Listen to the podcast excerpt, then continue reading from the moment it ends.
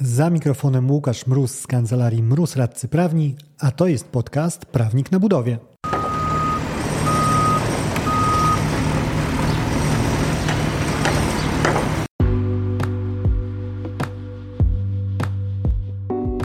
Z tej strony mikrofonu radca prawny Łukasz Mróz, a to jest podcast Prawnik na Budowie, w którym mówimy o wszystkim, co związane z kontraktami budowlanymi. I wchodzimy teraz w taką szarą strefę. Zakończenie robót, realizacja prac, wykonanie przedmiotu umowy. E, bo o ile na języku polskim dobrą metodą, dobrą praktyką tworzenia tekstu pisanego jest unikanie powtórzeń i sięganie po słownik synonimów, o tyle na kanwie kontraktów to może być już troszkę rzecz problematyczna. Bo o ile odbiór Oddanie i wydanie to są pojęcia prawne. One są do ustalenia w kodeksie. Mogę palcem pokazać je w przepisie. O tyle to, co widzicie Państwo na tym slajdzie, czyli zakończenie robót, realizacja prac czy wykonanie przedmiotu umowy, już nie. No i powstaje pytanie, co poeta miał na myśli. I to jest szczególnie dotkliwe w przypadku triady ustalenie terminu, ustalenie, e, jak dokonywany jest odbiór i ustalenie kar umownych. Bo jeżeli mam chociażby w terminach wpisane, że oddanie robót nastąpi do 8 grudnia, później widzę, że e, te, te przepisach dotyczących odbioru jest wskazane, że e, odbiór następuje z momentem podpisania protokołu, a kary umowne są liczone jeszcze za opóźnienie w zakończeniu robót, no to wychodzi z tego miszmasz. I tak, ja jako profesjonalista wskazuję, że no cóż, e, chociażby wchodząc na grunt zamówień publicznych.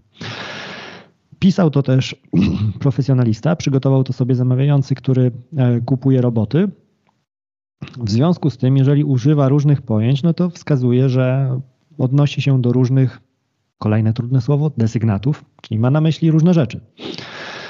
A jeżeli tak, to jeżeli wiem, czym jest oddanie, wiem, czym jest odbiór, i on pisze, że karać mnie będzie za naruszenie terminu zakończenia robót, no to wskazuje, że miał na myśli inny moment. A jaki to był moment? No, można przyjąć, że chociażby chodziło o fizyczne zakończenie pracy, czyli coś, co w ogóle jeszcze siłą rzeczy nastąpi przed oddaniem robót, a tym bardziej przed ich odbiorem. E, I taką sytuację właśnie karania rozważał chociażby sąd apelacyjny w Szczecinie, przyjmując, że jeżeli ktoś popłynie z terminem, to owe popłynięcie kończy się w momencie właśnie tego skutecznego oddania. I teraz porozmawiajmy troszkę o umownych ustaleniach, o konkretnych pomysłach, które trafiają się w umowach. Odbiór czy podpisanie protokołu odbioru, e, przyjmowanie, że to jest moment zakończenia robót. No to jest powtarzalna praktyka, e, dość częsta, dość regularna. Problem mam z tym mm, taki, że jakby rozumiem intencje, bo z punktu widzenia zamawiającego ma jasno zdefiniowane, w jakiej dacie doszło do zakończenia robót, e, chociażby pod kątem naliczenia kar umownych czy pewności, kiedy rusza rękojmia gwarancja. Sęk w tym, e, że wiąże tutaj zakończenie robót zamawiający często z, z, własnym działaniem, no bo to nikt inny jak on nie doprowadza do odbioru, nie dokonuje odbioru, on też się podpisuje pod protokołem. Jeżeli podejdziemy do tego zdroworozsądkowo, to przyjmiemy pewnie, że ok, to chodzi o sytuację e, taką, że jeżeli bezpodstawnie będzie odmawiał e, odbioru zamawiający, no to nie może to obciążać konsekwencjami żadnymi wykonawcy, chociażby z tytułu kar umownych. Więc jeżeli on zgłosił to przed tym e, umówioną datą zakończenia robót, ale uchybiał mu się, migał od, od odbioru zamawiający, to nie można e, smagać tutaj wykonawcy chociażby karami umownymi. Ale jeżeli traficie Państwo na kogoś w sądzie e, bardziej restrykcyjnego, powiedzmy kto bardziej orzeka po krochmalu, e, albo ma potrzebę wyciągnięcia słabszej strony umowy z problemów, a uwierzcie mi, potrzebę będzie miał często, bo nurt taki Robin Hooda orzeczniczy ma się naprawdę dobrze, to może stwierdzić chociażby, że e, w kontekście kary umownej tutaj no, mamy postanowienie nieważne, ponieważ no, kara może dotyczyć działań dłużnika, w tym przypadku wykonawcy, a skoro e, zakończenie robót było równoznaczne z dniem odbioru, no to de facto to była kara za nieterminowość odbioru, czyli kara za nieterminowość czynności zamawiającego, co konstrukcyjnie jakby no nie ma racji bytu. Znowu, to już tak mocno formalistyczne ocenianie, ale uwierzcie mi Państwo, jeżeli trzeba poszukać argumentów za tym, żeby temu chociażby podwykonawcy małemu, drobnemu, biednemu, skulonemu e, przed sądem pomóc, sąd potrafi e, wykazać się kreatywnością. Inne rozwiązanie, już z tych lepszych, z tych ciekawszych, Stawianie znaku równości między zgłoszeniem gotowości do odbioru, a, mm, a przyjęciem, że rzeczywiście samo zgłoszenie gotowości jest zakończeniem robót, ale pod warunkiem, że jeżeli odbiór potwierdzi, że wszystko było ok.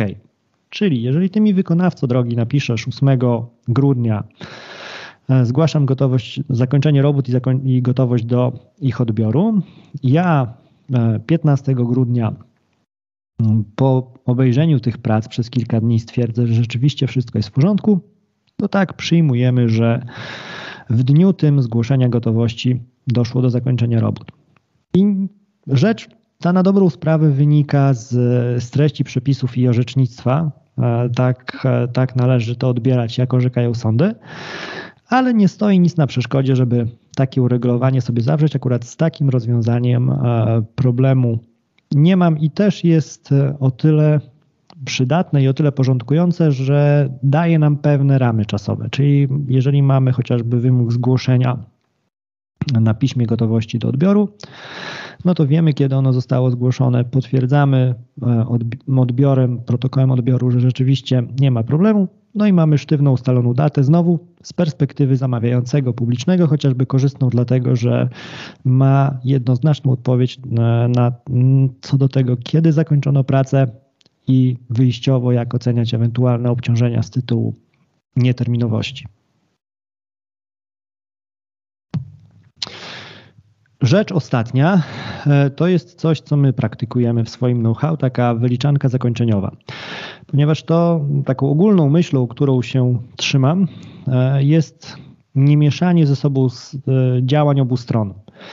Czyli niech wykonawca ma po swojej stronie rzeczy do wykonania, które, za które tylko on odpowiada i nie będzie mógł później mi zarzucać jako zamawiającemu, że coś tam nastąpiło później z powodu mojego braku współpracy i tak dalej, bo tylko i wyłącznie on jest odpowiedzialny i ma moc sprawczą do wywiązania się z pewnych działań.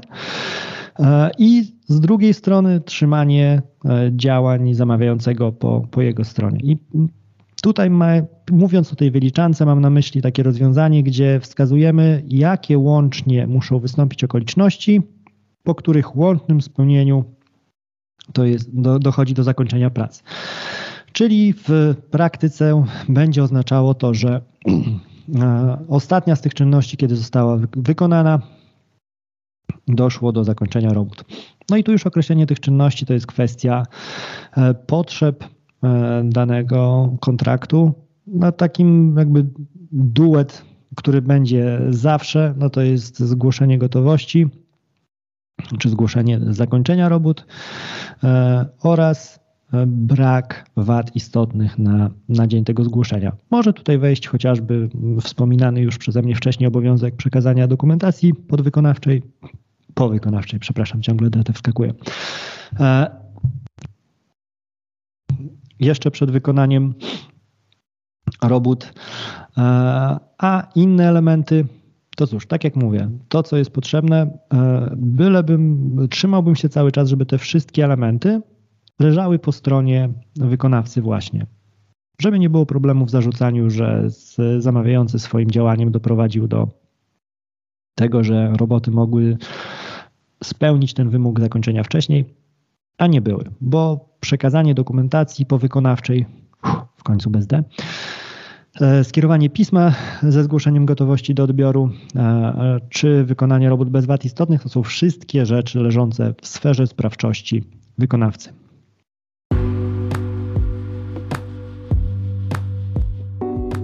Dzięki za odsłuchanie tego odcinka. Zasubskrybuj podcast, żeby nie umknęło Ci żadne kolejne nagranie. Znajdziesz go w Spotify, Google Podcasts czy Apple Podcasts. Jeżeli natomiast chciałbyś się skontaktować ze mną, napisz na biuromałpa kancelariamroz.pl. Znajdziesz mnie też w mediach społecznościowych. Na LinkedIn wpisując w wyszukiwarce Łukasz Mróz, a w Facebooku czy na Instagramie wpisując Prawnik na budowie. Do usłyszenia w kolejnym odcinku. Dzięki za odsłuchanie tego odcinka.